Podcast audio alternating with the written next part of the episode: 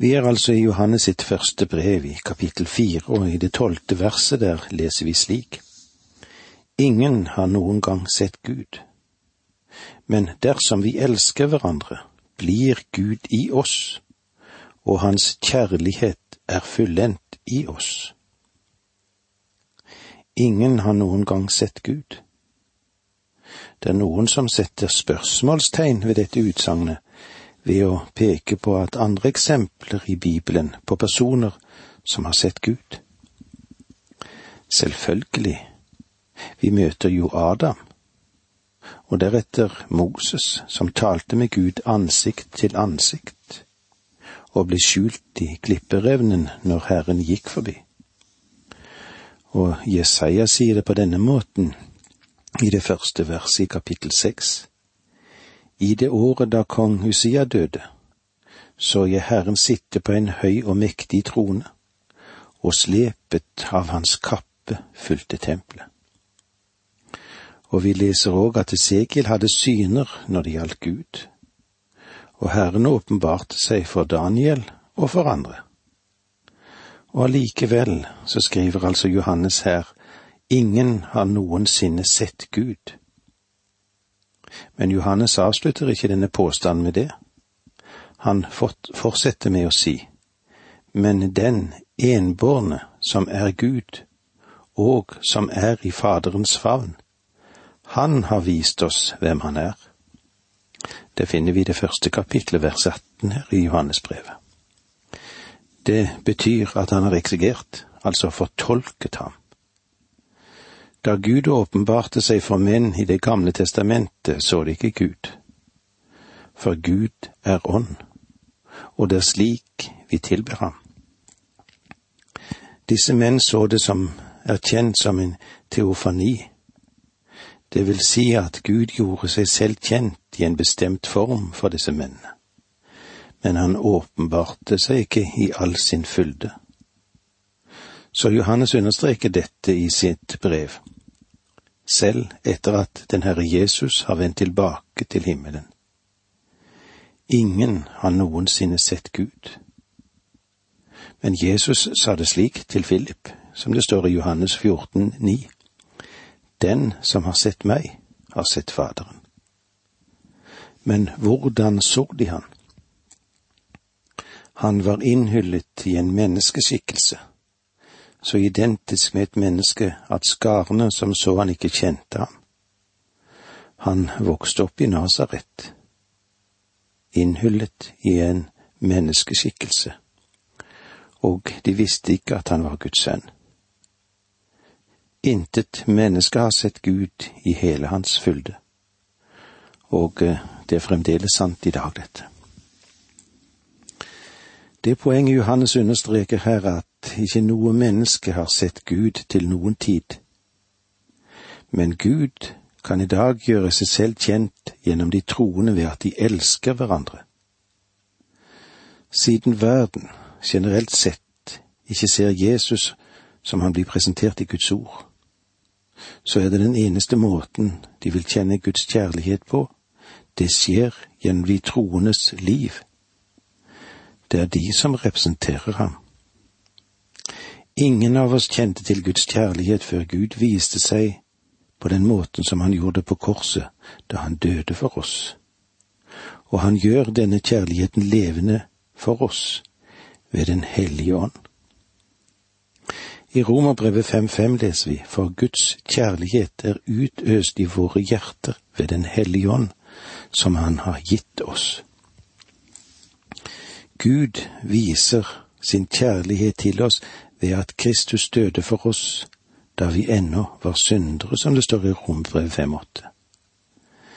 Det er fremdeles sant at det er ingen som søker etter Gud, så Gud måtte komme ned og søke etter mennesker. Han kom hit ned for uh, ca. 2000 år siden og gjorde seg selv kjent i den Herre Jesus Kristus. Og alt det jeg vet om Gud, det jeg vet om personen Kristus. Jeg vet ikke hvordan Gud kjenner det vedrørende bestemte ting, Jeg vet ikke å lodde dybden i Guds tanke.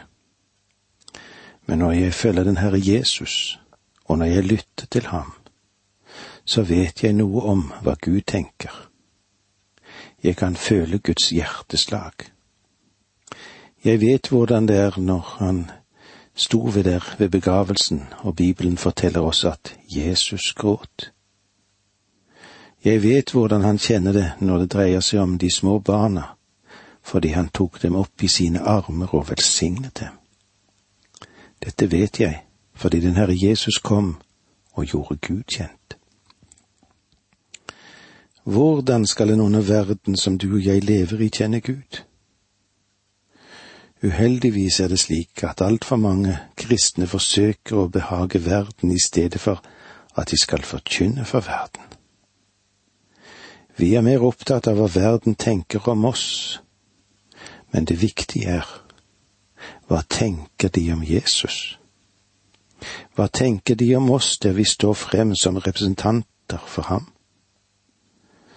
Noen har sagt det slik. Når vi er tyve, bryr vi oss ikke om hva verden tenker om oss. Når vi er 30 år, bekymrer vi oss for hva verden tenker om oss. Og når vi blir 40, oppdager vi at den ikke tenker på oss i det hele tatt. Og dette kan vi vel kanskje si er nokså nær sannheten. Vi skal i dag vitne for verden. Hvordan skal vi vitne? Ved å formidle ordet. Ja, det er viktig. Men verden hungrer etter kjærlighet. De vet egentlig ikke hva det er.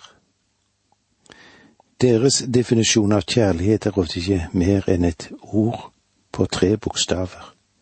S-E-X. Sex. Det er den kjærlighet verden kjenner til, men de kjenner ikke noe til Guds kjærlighet. De vet ikke hvor vidunderlig han er, men han kan bli kjent, åpenbart, i oss. Og hans kjærlighet er fullendt i oss. Hans kjærlighet er utviklet i oss. Den er i vekst i oss.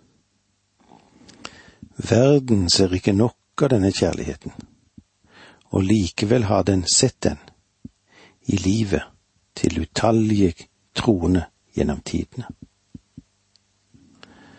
Vers 13 At vi blir i ham og han i oss, det vet vi fordi han har gitt oss av sin ånd. Her ser du at det er bare ved Den hellige ånd som er i oss, dette er ikke en menneskelig kjærlighet. Du og jeg, vi kan ikke drive frem noe i oss selv av den, men åndens frykt er kjærlighet, glede, fred, overbærenhet, vennlighet, godhet, trofasthet, tålsomhet, selvbeherskelse. Slike ting rammes ikke av loven, står det i Galaterbrevet 5, 22 og 23. Kjærligheten, den står først på listen. Mange tror at kjærligheten er selve frukten, og at de andre avledes fra kjærligheten. Om du leser første Korinterbrev det trettende kapittel, så vil du trekke den konklusjonen at gleden kommer fra kjærligheten, og freden kommer fra kjærligheten. Det er et stort behov for at langt flere skal være i stand til å se denne kjærligheten i de troendes liv. Og dette er en undervisning som det ikke aktes så veldig mye på i dagens samfunn. Når Guds kjærlighet får råde i et hjem, behøver du ikke å bekymre deg om hustruens plass, om hun er lydig mot sin ektemann, eller at ektemannen får sin posisjon som hjemmets leder. Og alle disse argumentene, da. Paulus skriver det slik, dere menn skal elske hustruene deres slik Kristus elsket kirken og ga seg selv for dem, som det står i Efeserbrevet 5.25. Om han elsker henne, om hun er en kvinne som han vil gi livet sitt for. Om hustruen sier at hun elsker ham av hele sitt hjerte og vil gjøre alt for ham, da tror jeg ikke at du trenger en hærskav av små og finurlige regler for å styre forholdet mellom dem.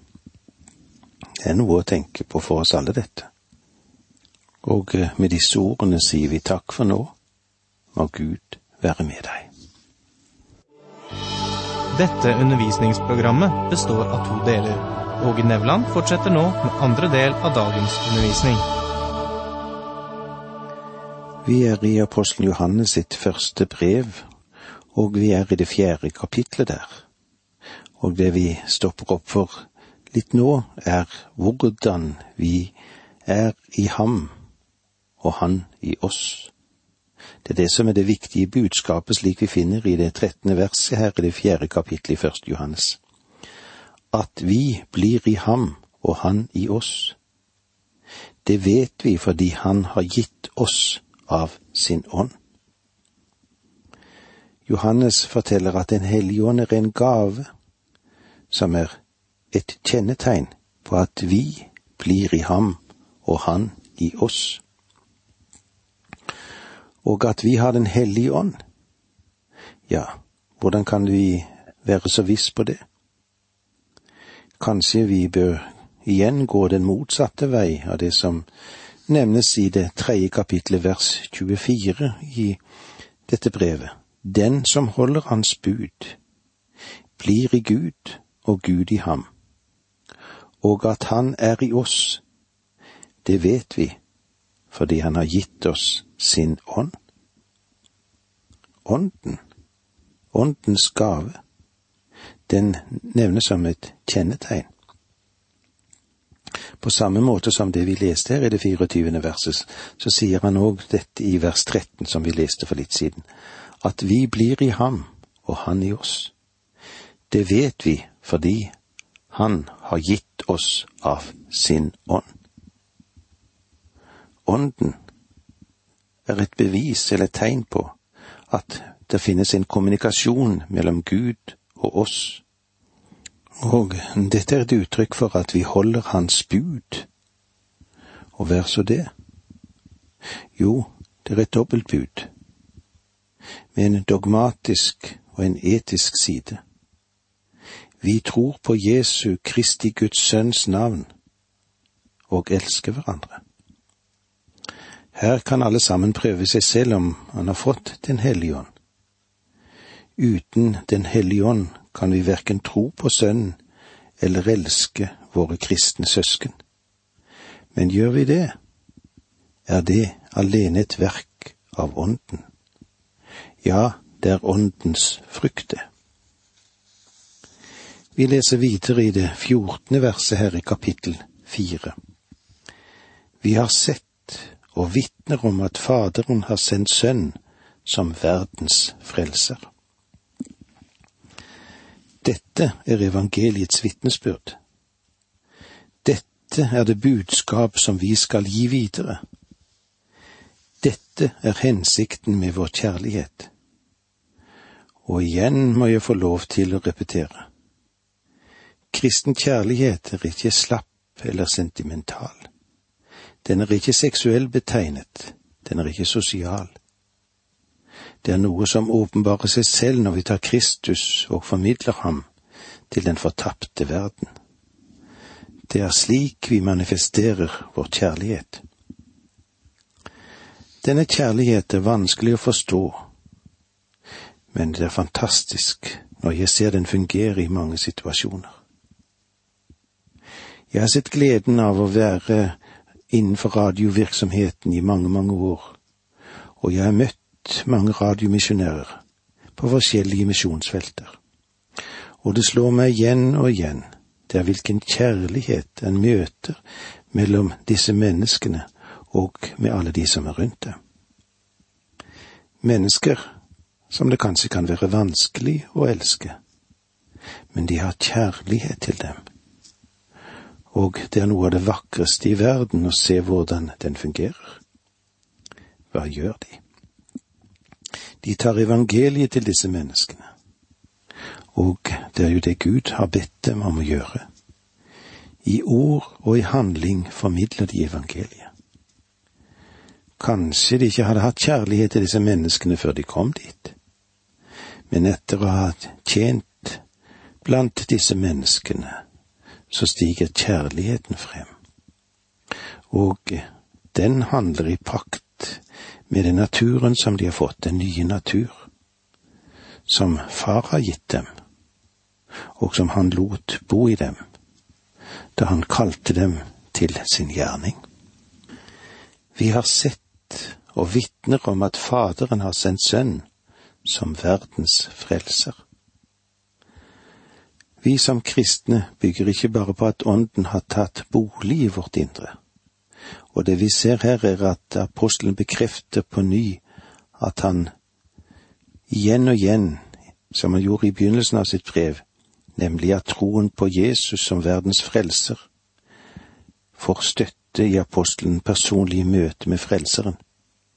Hør hva han sier. Vi har sett og vitner om at Faderen har sendt Sønn som verdens frelser. Vi er sterkt betont her. Vi for vår del har virkelig sett og bevitner. Det står han personlig inne for, Johannes. Frelser er brukt to ganger av Johannes. Her og i Johannes evangeliet det fjerde kapitlet vers 42. Men saken om Jesus, den er sterk vitnet om i Bibelen. Jesu navn, det går på dette. Du skal kalle ham Jesus, for han skal frelse sitt folk fra deres synder. Om sin egen oppgave i verden ser Jesus i det samme perspektiv som vi har fått lov å være innom, for menneskesønnen er kommet for å søke og frelse det som var fortapt. Vi har sett og vi vitner om at Faderen har sendt Sønn som verdens frelser. Vi leser videre i det femtende verset her i kapittel fire. Den som bekjenner at Jesus er Guds sønn, i ham blir Gud, og han selv blir i Gud. Det er her vi begynner med ham.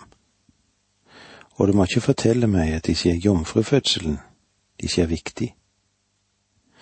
Vi ser òg hva Paulus forteller oss i første Korinterbrev 15, 3 og 4. At Kristus døde for våre synder etter Skriftene. At han ble begravet, og at han sto opp den tredje dag etter Skriftene. Om han ikke er den han sa seg for å være, så er hans død og han, hans oppstandelse absolutt meningsløs. Faktisk har han ikke stått opp fra de døde hvis han ikke er den han påsto seg å være. Men bevisene ligger på den siden at han døde oppsto fra de døde. Og vitnesbyrdet om det er at han var født av en jomfru. Han var den han sa han var. Den som bekjenner at Jesus er Guds sønn, i ham blir Gud, og han selv blir i Gud. Og dette er grunnen til at den Herre Jesus kunne si, Alt det Gud gjør, gjør også jeg. Han kom med denne veldige påstand, sannelig, sannelig, jeg sier dere, den som hører mitt ord og tror på ham som har sendt meg, han har evig liv og kommer ikke for dommen, men er gått over fra døden til livet. Slik det står i Johannes 5, 24. Hvordan er dette mulig? Han hadde jo nettopp sagt det i det nittende verset her i kapittel fem. Sønn kan ikke gjøre noe av seg selv, men bare det han ser Faderen gjør. Det Faderen gjør, det gjør også Sønn. Han skal oppreise de døde, og han skal dømme alle de døde. Derfor kan han si til deg i dag at på grunn av den han er, om du vil høre hans røst, og om du vil tro ham, så skal du bli frelst. Den som bekjenner at Jesus er Guds sønn, i ham blir Gud, og ham selv blir i Gud. Hadde det bare vært et menneske, dette, da hadde hans frelsesgjerning vært forgjeves.